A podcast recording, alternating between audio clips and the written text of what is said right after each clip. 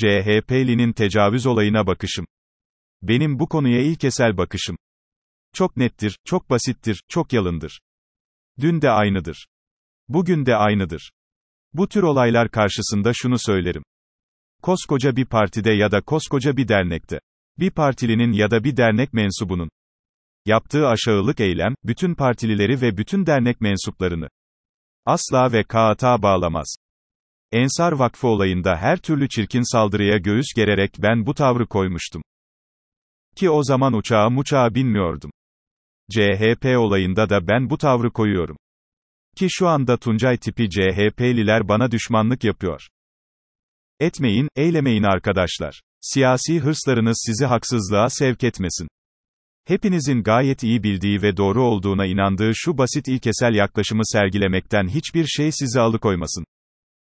Ancak böyle bir tavrı sergilerseniz, içinizden çıkabilecek bir ahlaksız, bir şerefsiz yüzünden, ileride mahcup olma ihtimaliniz sıfır olur. Yoksa size düşen derin bir yüz kızarıklığıyla kafayı öne eğmekten başka bir şey olmaz, olamaz. Tecavüz olayında neye bakılır? Bir kurumun içinden tecavüzcü çıkabilir. Bu normaldir. Ama normal olmayan şudur.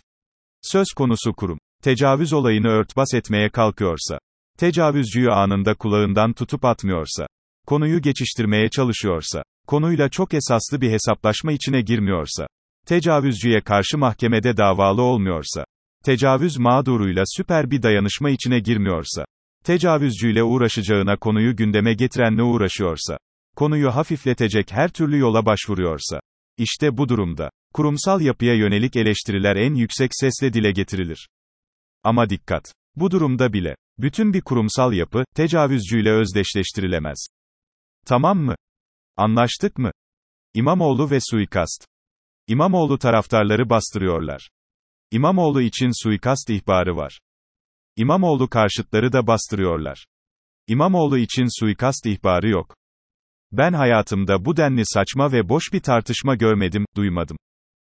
Bir taraf, aslı astarı henüz tam olarak belirlenmemiş tartışmalı bir suikast ihbarından alabildiğince yüksek siyasi rant devşirmek için elinden geleni yapıyor. Öbür taraf, böyle bir suikast olayından yüksek rant devşirilmesin diye çabalıyor. Kurumlar devreye girmiş. Emniyet yalanlıyor, belediye doğruluyor. Ve kimse kimseye inanmıyor. Deliler ırmağından bir tas su içip ben de keyfime baksam mı acaba? Kılıçdaroğlu'nun terörist taziyesiyle ilgili tutumu. Şöyle dedi Kılıçdaroğlu. Hiçbir teröristin cenaze törenine, asla ve asla hiçbir siyasi partinin yöneticisinin, milletvekilinin, il başkanının, ilçe başkanının katılmasını doğru bulmam. Doğru değil bu, doğru değil. Benim milliyetçilik anlayışım, vatanseverliktir. Bayrağımı seviyorum. Daha geçenlerde HDP milletvekilleri, PKK tarafından katledilen gencecik Necmettin öğretmenimizin katilleri için taziye ziyaretine gitmişti. Bakalım HDP'den ilk kim, bu CHP'nin diğerlerinden farkı yok açıklaması yapacak. Belki de, aman ağzımızın tadı bozulmasın Ali Rıza Efendi tavrı koyarlar. Kim bilir? Çağdaş Yaşamı Destekleme Derneği'nin Bülent Ersoy zarafeti. Bülent Ersoy, Kürtlerini Çağdaş Yaşamı Destekleme Derneği'ne bağışlayacaktı. Dernek bunu kabul etmedi. Bunun üzerine Bülent Ersoy, mal varlığımı Çağdaş Yaşamı Destekleme Derneği'ne bağışlayacaktım, vazgeçtim dedi. Bütün bu tartışma içinde arada atlanan bir şey oldu. Çağdaş Yaşamı Destekleme Derneği'nden yapılan Bülent Ersoy açıklamasındaki muhteşem zarafet. O açıklamanın üslubu ve yaklaşımı aşağı yukarı şöyle bir şeydi. Bülent Ersoy'a teşekkür ederiz. Bizi düşünmüş. Eksik olmasın. Kendisine ulaşmaya çalıştık. Ama ulaşamadık. Ulaşsaydık yaklaşımımızı kendisine izah etme şansı bulacaktık. Bizi anlayışla karşılayacağını düşünüyorduk.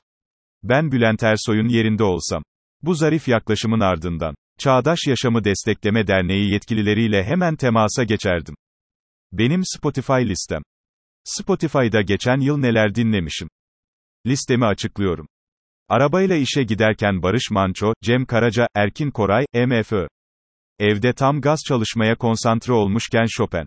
Bir piyanist şantör fırtınası estirirken Ferdi Özbeğen, Ümit Besen. Spor yaparken, Dance Party adı verilen seçme. Adamda ne ses vardı yahu diye düşünürken İbrahim Tatlıses. Yaşar Kemal'i çok özlediğimde, O Yar Gelir türküsü. Şevval Sam'dan. Dur ben bir krallar geçidi yapayım dediğimde Neşet Ertaş, Aşık Mahsuni. Banalitenin de bir cazibesi vardır dediğimde Esengül, Kibariye. Anadolu'nun renklerine dalayım dediğimde. Kahtalı Miçe, Özay Gönlüm. Ağır takılma havasındayken. Safiye Hanım ve Zeki Bey'den klasikler. Bir başucu grubu olarak. Kardeş türküler. Eski entel günlere bir selam olarak. Zülfü Livaneli, Yeni Türkü. Türküleri bir başka açıdan dinlemek istediğimde Cem Adrian.